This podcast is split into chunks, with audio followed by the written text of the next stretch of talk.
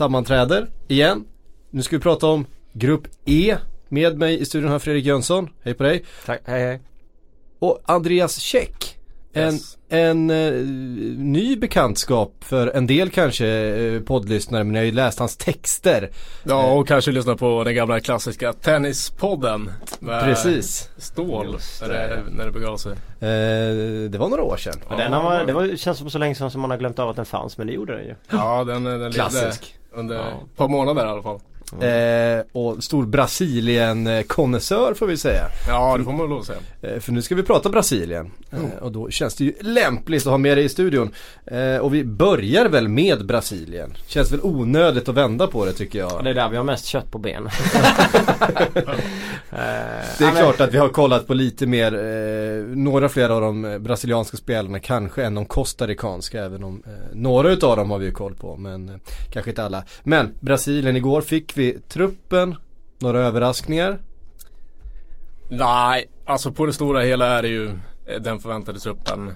Några små överraskningar. Eh, Fagner på, på högerbacken där men där har vi Dan Alves som, som är skadad Mm. och missar så Mm. det var väl ingen dunderskräll. Det är väl Eh, Danilo som ska starta där ändå. Jag tror det Helt sjukt och jag tycker det. Eh, sen Tyson, att han är med ser väl jag som den största överraskningen.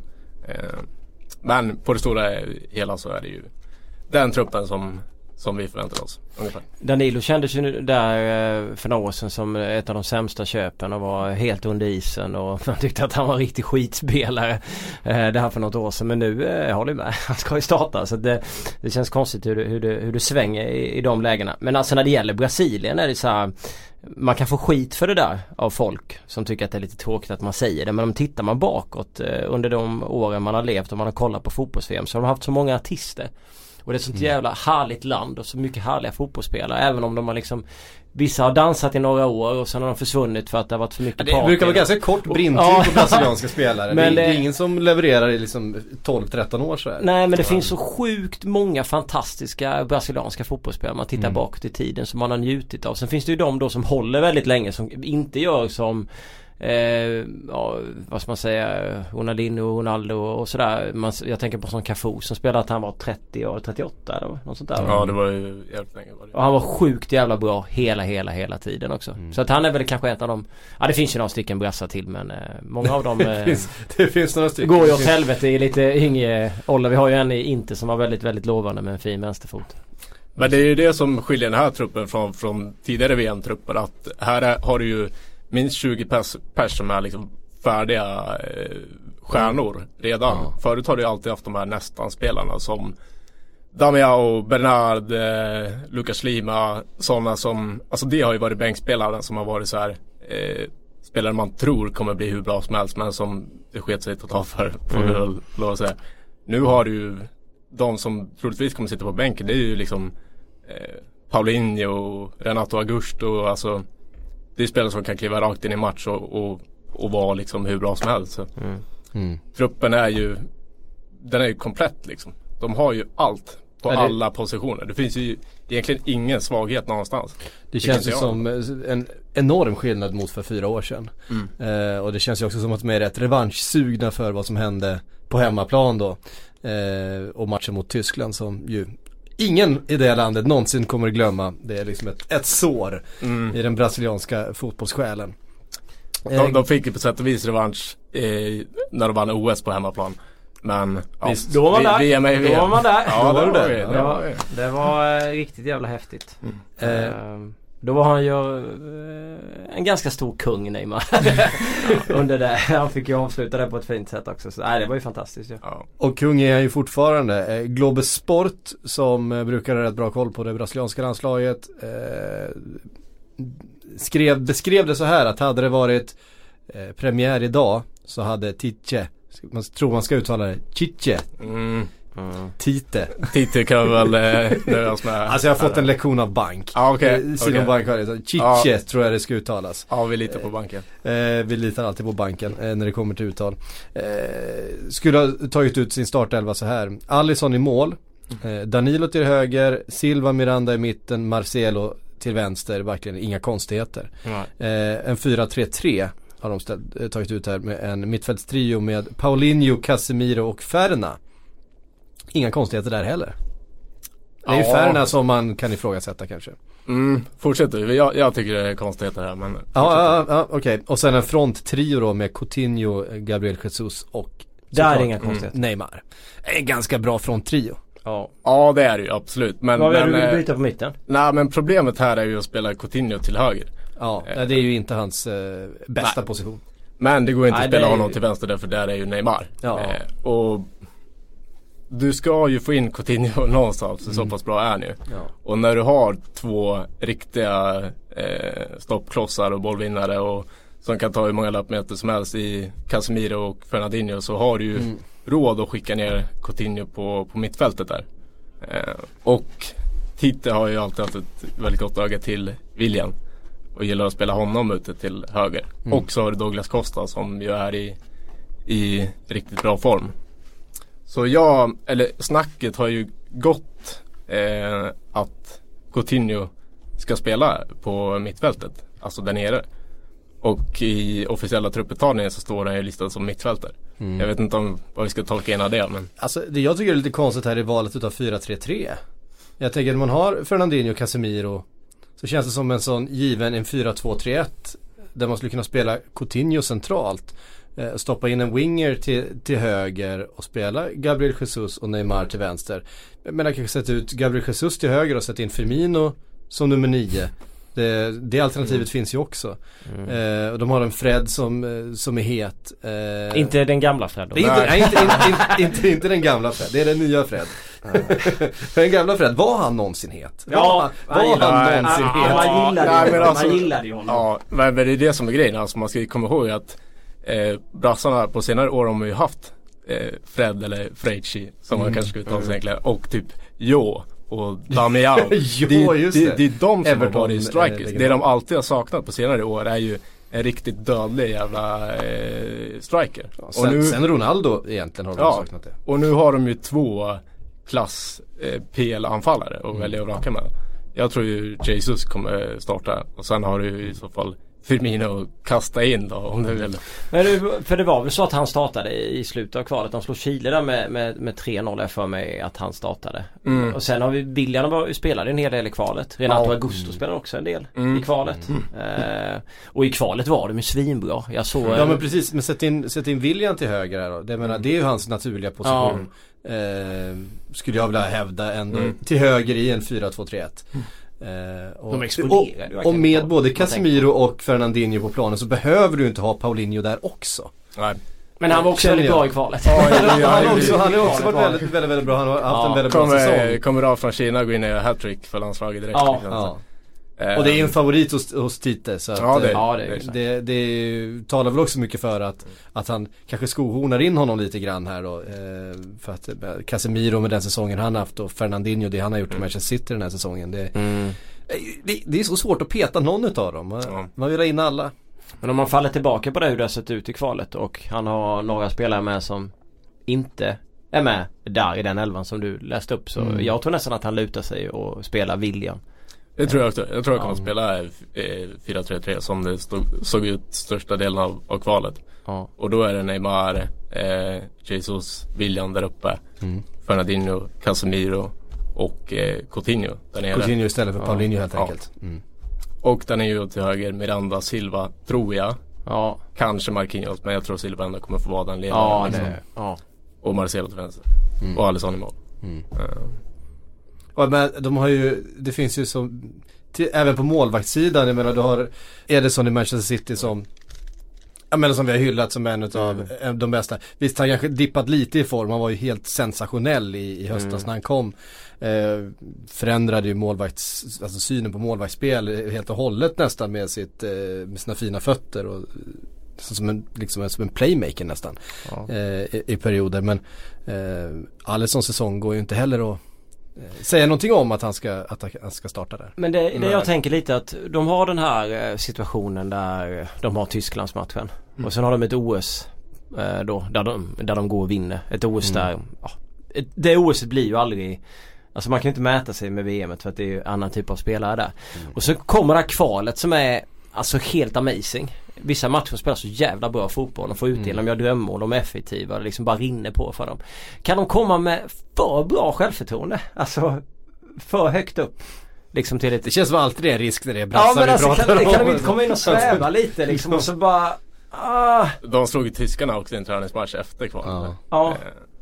Jag kände inte, kan de vara för högt? Kan det funkat för bra? De har liksom inte riktigt åkt på någon De hade väl, eh, ja vad tappade de poäng i kval? De tappade poäng Det borta var mot... första matchen de tappade. Ja, och sen hade de Bolivia-tappet med va? Ja, ja, ja de torskar första matchen. Sen går de ju obesegrade i sista 17 då eller vad det Ja. Men de har väl, ja några kryss. Fyra, fem. Fan måste kolla nu. Men i sista halvan är de hur bra som helst då. Och det är liksom Det är ju det Tito har gjort så bra sen han kom in eller vad man skulle säga. Piché. ja precis. Eh, sen han tog över från, från Dunga. Det första han gör är att ta tillbaka Marcelo, ta tillbaka Silva. Verkligen eh, få ihop laget. Eh, nu märker man ju när man ser dem att alla liksom eh, kämpar för varandra och eh, eh, det är liksom uppoffringar och det är inte bara det att ge bollen till Neymar och så får han lösa det utan Nej. han är ju fortfarande den centralfiguren i laget. Det som spelet Såklart. eh, såklart ska kretsa kring men det är så många andra som, som bidrar också. De hade två kryss i slutet. Bolivia och Colombia borta. 41 mål gjorde de i kvalet på 18 matcher. Släppte in 11. Vinner kvalet med 10 poäng. Alltså, Mm. de, alltså de var ju Det är fantastiska. en fullständig utskåpning ju. Ja för de, matcherna går ju alltid sent men om det var någon gång man satt och tittade nu Det var ju att man satt och kollade på Brasilien. Mötte, jag kommer ihåg när de mötte Argentina och andra matcherna var helt amazing liksom. Och man tänker sig ändå att Argentina borde kunna stå upp. De har hyfsad offensiv också men de har liksom ingenting att hämta där. Men det är ju för att de, det du är inne på, de fungerar verkligen som lag. Men det som Brasilien också har fått fram är ju duktiga holding midfield. Alltså, Ja. alltså verkligen eh, duktiga bollvinnande Absolut. centrala mittfältare. Som är en position som ju alltid varit ett problem för Mm. Brasilien. Kanske Mm. sen, ja men, ja sen 94 i stort sett och det fanns centrala mittfältare eh, som var ganska Dunga. bra. Eh, Dunga till exempel ja. Ja. Ehm, och nu har man då så pass många så att man, man formar nästan eh, laguppställningen efter den för att man vill få in Casemiro och Paulinho och eh, Jo men det funkar ju och det är därför det liksom, de flyter ju fram på ett annat sätt än när man mötte, när man såg mot Argentina. Det var så långt emellan lagdelarna. Jag- Vi har pratat om, ni har snackat om Argentina i någon podd tidigare men för mig kändes det som att det var så långt däremellan, offensiven och defensiven. I Brasilien Ja. Mm. är det mer komplett som ett lag rakt igenom. De funkar verkligen. Och sen så tror jag väl att Neymar är ju en en extrem stjärna. Jag säger inte att de andra inte är stjärnor men det känns som att det är rätt långt emellan han och andra. Jag tror att det, de kan liksom, jag vet inte. Jag tror Mm. det är därför det funkar. Det hade nog varit värre om det hade funnits liksom Rival, alltså en Rivaldo-typ och så någon mer sån här liksom. För många Mm. sådana. Alltså på sätt och vis har han ju samma stjärnstatus i förhållande till övriga laget som typ Ronaldo och Lewandowski och dem. Mm. Men jag tycker inte att Brasilien står och faller med att han måste prestera på samma Nej. sätt som, Nej som. Polen och Portugal är. Nej. Nej, så För är det ju. Neymar kan ju också ha rätt dåliga matcher men då finns det så många andra som kan kliva fram och göra det istället. Mm. Under kvalet spelade de ju ut målskyttet ganska mycket. Mm. Vi sa ju det, Paulinho kliver in och gör ett hattrick liksom. Och Ja, precis. Coutinho är definitivt en spelare som Ja. kan ta tag i en match och, och, och, och föra den och avgöra den och så vidare. Eh, Och det är nog från, ett, skönt från ett för mittfält. Neymar med tanke på ja, hur stor han är i, i Brasilien. Hur enormt. Mm. Herregud. Eh, andra nyckelroller då förutom Neymar. Eh, som ni säger, vilka är spelarna som om vi nu tänker oss att Brasilien ska gå hela vägen och vinna det här VMet som ju man förstås hoppas på. Eh, och i mångas ögon är man ju favoriter till att göra det och tittar man på pappret så kanske det är de som man ska sätta upp först eh, på listan. Men vilka nyckelroller i är det som måste funka? Ja eh, jag sa ju tidigare att det inte finns några svagheter och det gör det ju inte. Men jämför med typ Tyskland. Eh, nu är det något mickfiasko här. Nej, för jag försöker ta din snusdosa ifrån dig så att Ja, det var Sluta knäppa med snusdosan när du pratar. Ja, ja, sorry. eh, nej men jämför det med Tyskland och Frankrike och kanske några andra lag så är det ju väl eh, mittbackslåset som eh, det finns lite små frågetecken kring ändå. Miranda och Silva är ju såklart eh, riktigt bra klass men Ja. eh, ja, Du tänker på Tyskland-matchen ja man har ju ändå sett där, dem falla ihop liksom och när du har ytterbackar som kommer vara extremt offensiva så, så vill du ha två grabbar där i mitten och, verkligen lita på. Eh, så det är väl en nyckel att eh, Silva måste kliva fram som, som en ledare tillsammans med Miranda då och verkligen ta kommandot tillbaka och eh, ta allt, allt skräp som de, som de får emot sig när de öser på framåt. För så kommer det vara. Precis. Ja det känns ganska givet att, att den balansen ska fungera och då är det ju de, de lirarna där. Eh, men den, den vänder man sig alltid bakåt i tiden också. Gör man inte det när det gäller just Brasilien. Innan pratade vi om oftast om mittfältet. Eh, holding midfielders där i, i Brasilien bakåt mm. i tiden. Och det blir ju någonstans den centrala. Den defensiven som ska funka. Så att det inte blir sådana här eh, att de inte faller ihop fullständigt. Det har de inte gjort under kvalet men det blir lite annorlunda att spela i ett VM. Det är lite andra motståndare man inte är van vid och sådär. Det finns en viss trygghet att spela eh, sydamerikanska kval precis som det finns trygghet för, för Sverige att möta europeiskt motstånd och inte sydamerikansk så att man, man är van vid det. Och jag tror att det kan, kanske kan överraska dem lite eh, med vissa motståndare vi har ju, som vi har i gruppen också i, i Serbien och, och andra liksom. Så att jag, ja, nej jag håller med där. Det är väl, det är väl det. Jag ser ju liksom inga problem överhuvudtaget. Att de, att de inte skulle kunna liksom göra mål framåt med den offensiven. Det finns så jävla, förlåt att jag svär men det finns så otroligt mycket. Där mm. Eh, och en eh, Gabriel Jesus som man ju nästan befarade skulle liksom eh, om man ens skulle ta sig till VM efter sin skada då. Ja. Men har ju kommit tillbaks och har ju hittat formen igen. Eh, avgjorde ju matchen för Manchester City här i sista omgången med ett jätte, jättefint mål och ser ju ut att vara tillbaks i slag. Um, ingen David Luiz uh, uttagen i truppen. Uh, är det någon som kommer sakna honom förutom festkommittén? Han, är, han var ja, väl men, festkommittén? Det, det, ja, Nej, men han, han är ju någon profil men hans eh, bästa år som fotbollsspelare kanske är förbi. De får ja. säga. Jag, vet, jag, jag försökte hitta den eh, innan. Jag såg någon elva där på spelare som inte är uttagna i Brasilien. Och det är klart som man sitter här ofta och, och pratar om, om andra nationer som Spanien och Tyskland och sådär. Så har de oftast en, ett par elva som skulle kunna gå in. Och det är väl lika så i Brasilien. Att skulle man ta vissa spelare som inte är med så skulle de absolut kunna göra det hyfsat i, i ett världsmästerskap. Men eh, jag håller med om att han är en spelare som inte Alltså det är, skön, det är klart att det är en skön profil att ha i en trupp men jag tycker inte att han ska vara, peta någon av dem som är där för sitt fotbollskunnande. Liksom. Nej, han har ju knappt spelat den här säsongen nej, heller så eh, Det känns som att han inte har varit eh, superaktuell men, men, i brasiliansk press så blev det ändå en grej. ja men det blir Han är, han är ju en stor stjärna liksom och en, en mm. populär figur ja. eh, på många sätt. Jag ser mest fram emot att se Marcelo. Jag tycker han är helt fantastisk. Ja han har ju varit gudomlig den här säsongen också. Ja, alltså jävla skön liksom. Han jagar upp i 93 minuten och kommer på sin kant liksom. Ja. Eh, det, man, man, man, tror ju det varje år, i alla fall de senaste tre fyra åren att eh, nu, nu kommer han eh, ta slut här snart. Ja. För att han börjar ju ändå bli lite tåren och, mm. och allt sånt där och fått rätt mycket skit för defensiv genom åren men han blir bara bättre och bättre. Ja. Mm. Han skiter i det Fra, Men framförallt han blir bättre och bättre offensivt. Ja. De defensivt så är han fortfarande sådär. Det, mm. det, gör, det, gör, han ju med. Men man glömmer bort det när man ser hans offensiv. Mm. Jag tycker ja, det, är det som är så skönt med, med Brasse. Jag kommer ihåg när klassisk, klassisk eh, Ronaldo-intervju. Han satt och fick skit. Han spelade i Real Madrid. Eh, tjocka Ronaldo då. Och så satt de där och klagade på att han var fenomen. fet. Ja, fenomen. Att han var fet liksom. Så började han bara prata. Men kolla mitt målsnitt. Titta på det här. Någonting att klaga på? Nej, vad, vad spelar det för roll? Alltså du vet så här, Han sket fullständigt. Det är bara fortsätta äta och fortsätta göra mål liksom. Ja. Jag gillar det man ser då. Han, han jobbar inte på sin defensiv utan han tar fram liksom. När han är bra på Exakt. Han jobbar hårdare på sina, ja. sina bra kvaliteter. Och så bara skiter de i vad folk säger. Jag gillar det med Brassan. Mm. Ja de är, det, det, det är ett skönt gäng och ja, det är svårt att se förbi dem som, som favoriter eh, att faktiskt ta hem det här. Det är, mm. det är Brasilien ja. och Spanien ja. eh, som jag ser det som har Ja, ja Tyskland tittar... också. Ja, ja absolut. Men om man kollar Alltid på... Tyskland men där tycker jag man kan hitta eh, mm.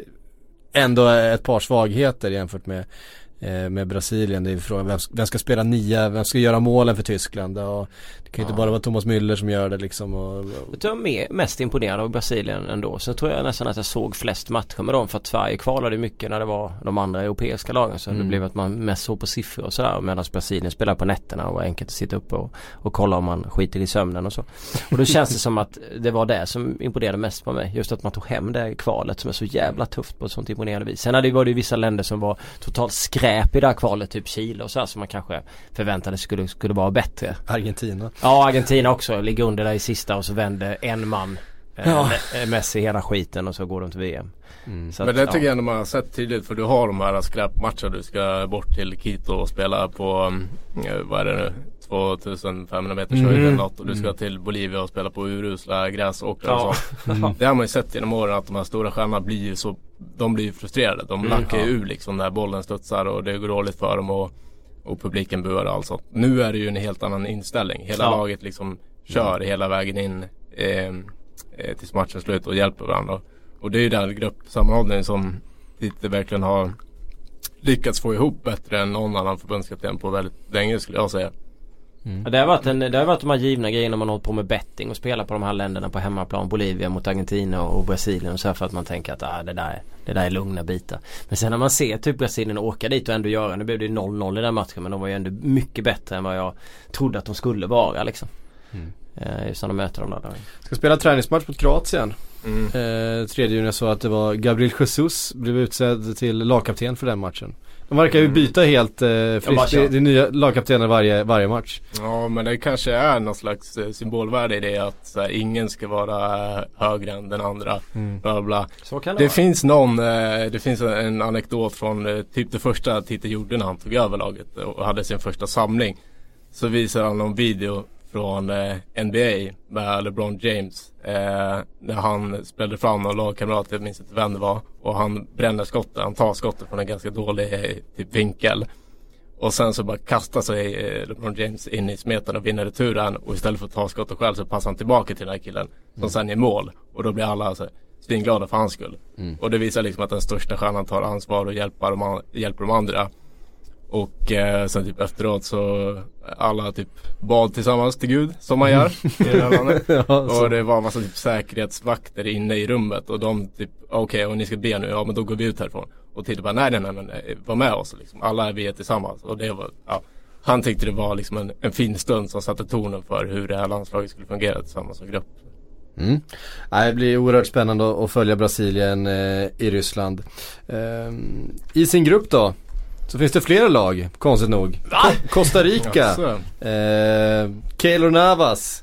Eller liksom det är det namnet som dyker upp i huvudet. Eh, mm. Eh, och är deras förstås överlägset viktigaste spelare och största stjärna. Eh, ett Costa Rica som slog ut USA. Ja 2-0 4-0. Eh, jag såg en av de matcherna. och eh, alltså för det första så, när jag tänker på Costa Rica så tänker man ju liksom, de var ju samma grupp som Brasilien VM 1990 va? Var det inte så? Eh, Costa Rica? Ja. De var ju Sveriges grupp. Ja, och där var ju Sverige. Eh... Ja just det, precis. Ja. ja. Mm. Och då tänker man på Medford och hela den här biten och sen så när man tänker dem lite mer eh, nytt nyare med Oviedo, Ruiz och Celso Borges och Keylor Navas så tänker man ändå en rätt bra organisation och sådär. Eh, och att de funkar eh, rätt bra som lag och de går väl igenom det där kvalet eh, ja, hyfsat bra skulle jag säga samtidigt som USA eh, underpresterar fullständigt. Så de vinner de där två matcherna och det är väl en, liksom ett, ett, stabilt gäng. Det är liksom inga, de har ingen målmaskin och de har liksom inte en fantastisk offensiv men de har bra grunder i sitt defensiva spel och så har de en Wiz och lite andra spelare som gör lite mål och sådär men eh, Arona Uh, det är ju men det är liksom inget lag som jag ramlar av stolen på men det är samtidigt ett lag som liksom har grunder i sitt spel som gör att de skulle kunna gå vidare genom den här gruppen för, kvar, för fint försvarsspel. Och, ja, men de kommer vara svåra att bryta ner. Det är inget jo, det är det, liksom. köra över med 5-0. Liksom. Samtidigt så är frågan vem ska göra målen. Det är ju fortfarande liksom Brian Ruiz, eh, gamla Fulham-strikern eh, mm. som eh, floppade. Kan säkert göra ganska, något spektakulärt mål men han gör ju inte liksom 5-6 mål. Alltså, eh, och Joel Campbell eh, som ska liksom göra det framåt för dem så att mm. eh, Joel Campbell, eller Joel? Ja det är det. Men jag ja. tänker på Marco Arena var det jag tänkte på innan. Eh, som mm. gjorde lite mål i kvalet. Han var ju en viktig pjäs för dem liksom. mm. Och han är väl hyfsad. Eh, sådär. Men Campbell har ju inte haft den Han har inte haft en utveckling som, som man trodde att han skulle göra. Men han såg ju spännande ut. När han, såg, han, han såg spännande ut ett tag. Och utlånad till Spanien också. Någon spansk klubb. Jag kommer inte ihåg vad det var. Var utlånad till, till Grekland var han ju. Och, ja där var han också. Och mötte Arsenal. Ja, Olympiakos. Eh, Olympiakos ja, precis. Tillsammans och då, med. Eh... Och gjorde mål också eller? Ja, det vågar jag inte ta Nej, Jo, han, visst gjorde ja, han det. Visst, visst, visst gjorde han det. Han skapade några gubbar där det. Mm. Men så det finns ju lite kvalitet men det är just defensiven och, och flytta och den balansen som, som de gör bra i, mm. i sitt kvalspel. Sen fick de ju väldigt bra utväxling mot USA skulle jag säga. Men det är ju för att USA sög i kvalet fullständigt. USA var bedrövliga. Jag, gick, jag ja. tittade nu inför inspelningen här på lite highlights och USA skulle haft rätt mycket straffar med sig. Jo, det skulle I, i, i, de, i de här mötena ja. och, och det var ju liksom De satte ju också USA om vi ska prata någonting om, säga någonting om dem är ju att de satte ju all sin, sin tro till Christian Pulisic 17 år gammal. Att han skulle liksom lösa det åt dem på något sätt. Eh, och... Känns som Bobby Woodman som jag tycker har gått under isen fullständigt efter en kanonsäsong med Union Berlin i andra ligan i Tyskland. han varit svindålig i Hamburg. Han är alltså, nej, han missade oerhört mycket i det kvalet också. Ja. Eh, och sen med, med så Clint, Clint, Clint, liksom. Clint Dempsey ja. liksom. Nej, det, nej, det, är ju Apropå tal om Fulham Ja och sen är det ju det att när man ändå ser att Panama går dit eftersom Keilo Navas är på det här, den här frisparken som blev känt som spökmålet ja, i, i medialt sett så känner man lite att Ja det där kvalet, alltså Mexiko, nu underskattar inte vi Mexiko för uh, Mexiko är i vår grupp men annars mm. jag är lite osäker ändå. Man ska, sen ska jag inte sitta och såga Costa Rica för att det är ungefär samma, det är ju en viss stomme som är kvar som var med, var med tidigare. Men jag är ändå inte så säker på att de kommer kunna liksom de kommer försvara sig bra och hela den biten men som vi är inne på offensivt sett så känns det inte så jävla spännande. Och jag tror också de är rätt nöjda med att bara ha tagit sig till VM. Ja. Det är ingen som förväntar sig att de ska göra upprepa bedriften från 2014. Eh, alltså Nej. varken spelare eller Nej. fans Nej. eller någon utan de kommer komma dit, de kommer spela eh, organiserat, vara svåra att göra mål på men de, de kommer förmodligen ändå sluta sist i gruppen skulle jag tro. Ja precis, vi tittar man vidare i gruppen här eh, så har vi Schweiz och Serbien. Vi kan börja med Schweiz då. Som eh, man ändå tycker alltid har varit ett, eh, ett spännande lag. Det har alltid funnits stjärnor men de har ju aldrig lyckats i ett VM. De har ju tagit sig förbi gruppspelet eh, ett par gånger men aldrig inte tagit sig förbi. Har man alltid tyckt att de har varit spännande? Har man inte mer tyckt ja, att de har varit stabila har... liksom? Jo men de har varit spännande men det har alltid spännande funnits, tycker jag att man har lite spets med, och kryddor och Ja men det har funnits ja, kryddat med lite Ja men de har väl en del spets ändå. Ehm, alltså, det vill jag nog tycka. Det måste man väl säga ändå. Ehm, Shakiri och Ja och det, och det är så, och, så här för fyra år sedan. och Ja, men ja, och, alltså Brelembolo har man ju trott länge på. Ah, ja, nu, ja okej då. Ja, vi tar de två då. Eh, ja men, men just nu, jag tänker även på 90-talet och, eh, och så vidare. Fanns det ändå någonting i, i, i Schweiz som man, och tidigt 2000-tal. Eh, men faktum är att de har ju inte tagit sig förbi åttondelsfinalen en enda gång. Alltså sen, sen 60-talet. Det är ett lag som inte lyckats speciellt bra. Alltså, i... alltså maskinen Schweiz tycker jag är bra. Ja. Sen om de är så spännande eller inte för mig personligen med, med flair och hit och dit och du vet så finess. Det tycker jag inte. Eh, och sådär. Sen Mbolo och eh, Shakir kan jag hålla med om även om jag tycker Shakir är rätt trött nu för tiden. Smiley och ja. Xhaka och Ja det är ju Alltså det, men de det finns ju ändå profiler i det här ja, laget. Ja profiler finns det. Mm. Men sen är det spännande. Men i alla fall de hade ju kvalplatsen fram till sista omgången. Det ska man komma ihåg. Så förlorade de mm. mot eh, Portugal i sista borta. Och så var de tvungna att ta ett kval. Och det gör de mot Nordirland va? Eh, så var det nu ja. Slå ut dem mm. mm. eh, och sådär. Och deras defensiva grunder och sådär. Eh, nu tjatar jag på dem igen. Men de är ju väldigt bra. Alltså det, det, sitter ju verkligen där. Det är ju inget snack om saker. De är väldigt svåra att bryta ner. Det är väldigt stabilt lag. De faller inte igenom och sådär. Men eh, jag tycker också att de de tar en del stryk offensivt genom att de bara så liksom starka defensivt. Kolla på deras kvalgrupp. Det är inte så att du trillar av stolen av att det är jättetunga motståndare i den gruppen förutom Portugal. Så offensivt sett, okej okay, de har mött lite så här, men Alltså jag är defensivt sett absolut. Offensivt sett är jag eh, lite tveksam. Jag tycker inte att de har den där eh, ja, powern framåt på samma sätt. Ja men det är också ett lag som, med, med ganska mycket ouppnådd potential också. Alltså, mm. Man tänker på en, på en Shakiri, man tänker på en Xhaka, Brelembolo, en mm. Ricardo Rodriguez till viss del också som uh, man tyckte jättemycket på. Visst, han har inte haft en dålig säsong i, i Milan men, men uh, uh, ja. Men säger så här Dennis Zakaria i, ja. i, vad är det, München-Gladbach va? Ja, väldigt.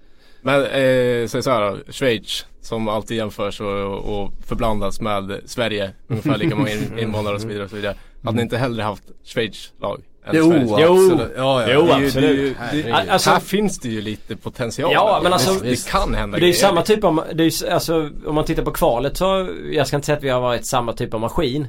Och det går ju inte jämföra för de har haft Andorra, Lettland och Färöarna bland annat och Ungern medan vi har spelat mot Frankrike, Holland, eh, Vitryssland, Bulgarien och så vidare. Det är väl ungefär samma, samma där som dem. Men eh, som maskinmässigt så tycker jag väl ändå att det har sett eh, relativt bra ut. Men sen är det inte så att vi har inte någon Embolo, vi har ingen Shakiri, vi har ingen Ja, så så sätt så håller jag ju med om att absolut. Eh.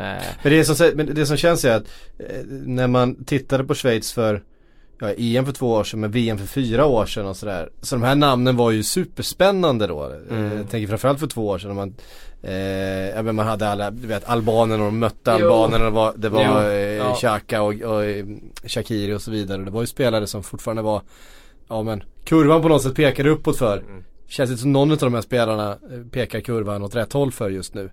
Nej Shakiri hade ju ett fint frisparksmål där i, i, en av de sista rundorna men annars alltså, Jag vet inte, det är därför jag inte känner den spänningen. Sen är det klart att de kanske går in och gör en fantastisk VM-premiär och man känner okej okay, nu kanske potentialen kommer ut. Mm. För jag håller med om att den finns där. Det är ju inte liksom Nej och det är väl samma med Embolo också var han nu i Schalke och haft en ganska risig mm. säsong. Ja. Men samtidigt så är det många av de här spelarna som kanske spelar för för en flytt i sommar. Ja. Shakiri också, vill han vara kvar i Stoke? Shakiri lär väl inte ja, vara sugen på att hänga med. Man vet ju inte heller hur hårt har de gått här när de har känt att det här går åt helvete. Så man kanske har sprungit runt och spelat och bara väntat på VM. Så nu mm. kanske alla bara... Ja nu lossnar det. Ja. En borde dunka Sen det sjuka med dem är att de är rankade sexa i världen på Fifas ranking. Sexa av Fifa. Ja, det är alltså ja. över Frankrike. Och så jävla bra är de inte. Nej det, det, det, det är klart de inte. Den rankingen är helt sinnessjuk. Ja. Förlåt att jag säger sinnessjukt. Det är inte, det är inte rätt men, eh, men det, det är inte, det är inte, nej.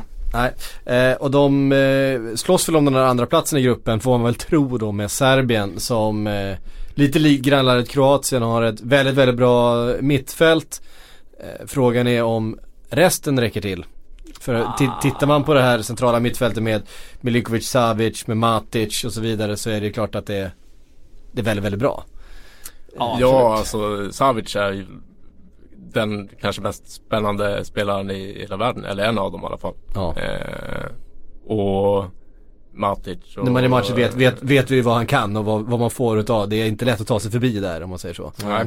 Eh, så att Sen det... är det väl bara allt runt omkring med korsbyte och eh, Stökigt som, som, och... Ja, det, är, det är ju det som var problemet. Och vann sin grupp 2010 målskillnad. Allt såg jättebra ut. Och sen fick mm. han sparken för att han inte hade tagit in tillräckligt många och använt tillräckligt många unga spelare. Och då var mm. ju Savic från Lazio en av de spelarna mm. som inte var där inne. Mm. Då får han sparken för att han har tagit landet till Tänk om vi, man, tänk om vi hade sparkat man, Jan Andersson nu för att han inte tog ut Zlatan. Han bara, bort med Alltså mediadevet blev så otroligt stort. Vad han heter? Man kan aldrig vara helt säker på varför Ja men det var ju det. Nå någonting hände. Muslim fick ju sparken säger de ju för att det var eh, för att Savic inte var med. Och sen kommer, eh, vad heter han, eh, Kristajic in har en eh, rätt eh, svag första fight där han laborerar rätt mycket. Sen möter de Nigeria och då vinner de med 2-0 och då fick han tillbaka lite av sitt förtroende och sådär. För att han började också med att slita av kaptensbindeln från Ivanovic. Direkt. Mm. Och det, var, varför gör man en sån grej? Det, det är ju liksom upplagt för tubbel. Mm. Eh, men sen efter Nigeria så kändes det ändå som att det blev eh, lite lugnare kring dem. Eh, men det är ju, ja det finns ju några nyckelspelare men det är inte ja, Savic är ju utan tvekan det mest spännande men jag är lite så här orolig för För offensiven i, i Serbien alltså. Någonstans är väl Mitrovic som ska ja. göra målen eller? Ja, jo det är det. Jo, jo. komma igång ordentligt. Ja, men alltså, kolla, men det är ju, ja han platsar ju inte. Han tog inte en tröja hos oss i Newcastle. Och Nej. han var ju nästintill bedrövlig. Ja, if, ja så han kom ju, han kom ju dit med ja. självförtroende, det gör han ju.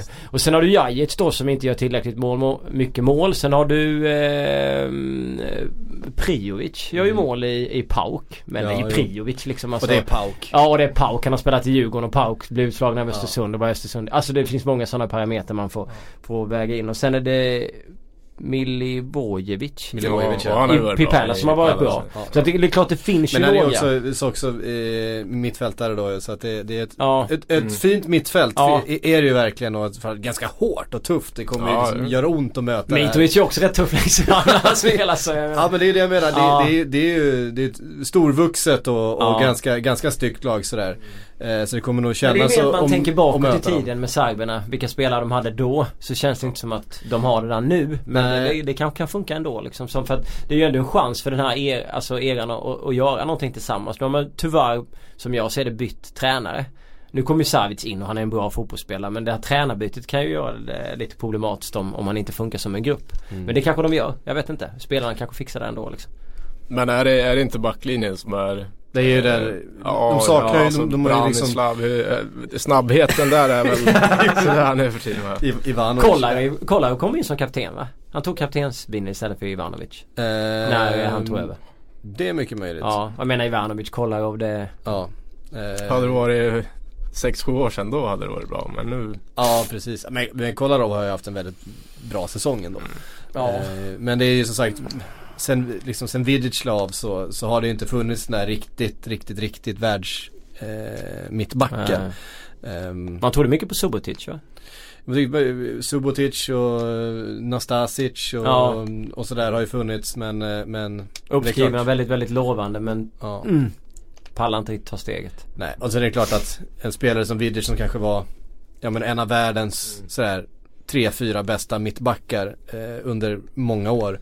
Eh, vann Premier League var varannat år, vann Champions League. Eh, favorit hos Sir Alex Ferguson. Jag menar att ha bara en sån figur liksom Mm. med i laget att eh, man kommer rätt långt på, Ja. på en, Ja liksom verkligen och, och bara kunde styra upp det där försvaret och styra upp det där mittfältet framför honom. Han, han var ju verkligen så mycket. Men om, men- om man tittar på den här gruppen, passar inte den här gruppen Brasilien väldigt dåligt egentligen? Om man tänker efter på vad det är för typ av lag. Eh, Ett eh, extremt defensivt starkt Schweiz som skulle kunna liksom döda mycket ytor mot, mot brassarna. Serbien, ett hårt lag som också svenskar ska kriga. Och Costa Rica styrkar ju också defensiven. Det är ju inget lag som bara går ut och bara Det är ju ingen, det är ingen som kommer ut och, och rullar boll Nej som med Brasilien, Chile liksom bara Nej. lyfter och fyller på Nej, överallt. nej, eller, då, då, får ju, då får ju vila Neymar mot eh, Serbien annars kan man ju Ja, Ivanovic kliver in och ger han och sen är det...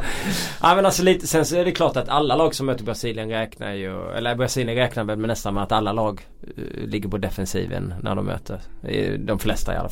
Mm. Så Ja och gör de inte det så har ju brassarna rätt sylvassa kontringar Exakt. också så det Ja, men, men brassarna är ju en, en, en given etta för mig. Sen säger jag inte att de går och tar 9 poäng här. Jag kan tänka mig att de hamnar på 7 för att de kryssar någon av de här matcherna som är lite svåra att borra hål på något lag som står väldigt långt ner för att ja, det kan vara svårt att göra det. Men de vinner ju den här gruppen eh, utan snack. Sen så står det väl mellan Serbien och, och Schweiz. Jag tror att jag lägger nog mina slantar på Mitrovic och, och Serbien i det läget. mm. Ja då, då ser jag Schweiz tvåa faktiskt Schweiz tvåa eh, och Brasilien. Ja Egypten etta De, de, Mm. de prom- trots, trots att det inte passar dem så borde de promenera hem den Det är här ett fullständigt fiasko om om inte Brasilien går igenom. Det är ju ett här fullständigt fiasko för, ja. Och då är ju bäst case scenario för oss då om Sverige kommer tvåa i gruppen att vi får brassarna i åttondelsfinal. Ja. Ehm, och då är det ju kört vilket Ja för det är ju det som är grejen va, att vi Då kan man ju skita i att gå vidare. Nej det är en stor match att spela. eh, Tvåan i Sveriges grupp får då möta vinnaren i den här gruppen. Mm. Eh, sånt är livet. Eh, så att det gäller ju att antingen ta sig förbi då tyskarna i gruppen. Vilket är en eh, tuff uppförsbacke. Eh, eller så eh, att ta sig förbi Brasilien i en åttondelsfinal. Ja, det är och det är kanske en ännu tuffare Det är uppförsbacke. tråkigt för alla andra än Sverige om det blir Brasilien och, och Tyskland i en, i en ja, att det blir på det här sättet. Men ja, det är väl men den, risken finns ju. Ja. Eller ja, Ja, den är Sverige inte, får göra ett, ett helt fantastiskt eh, mästerskap om det ska bli så för att ja, jag räknar ju med att Brasilien vinner sin grupp. Ja, och vi räknar väl kanske med att Tyskland vinner sin grupp Ja också. vi gör ju det. Men det är nästa vecka det och det är när vi kommer till grupp F. Där vi hittar Sverige, Tyskland, Mexiko och Sydkorea. Ja. Eh, men den bron, eh, vad säger man? Vi, vi will cross that bridge when we get to it. Eh, tack eh, Andreas, tack Fredrik för Tack att ni var här och pratade idag. Tack för att ni har lyssnat. På fredag är eh, Simon Bank och Johanna Frändén tillbaka med ett nytt avsnitt av sin lilla hörna av den här VM-podden. Eh, och på måndag, ja då tar vi tag i Sveriges grupp, eh, grupp F. Tack för att ni har lyssnat.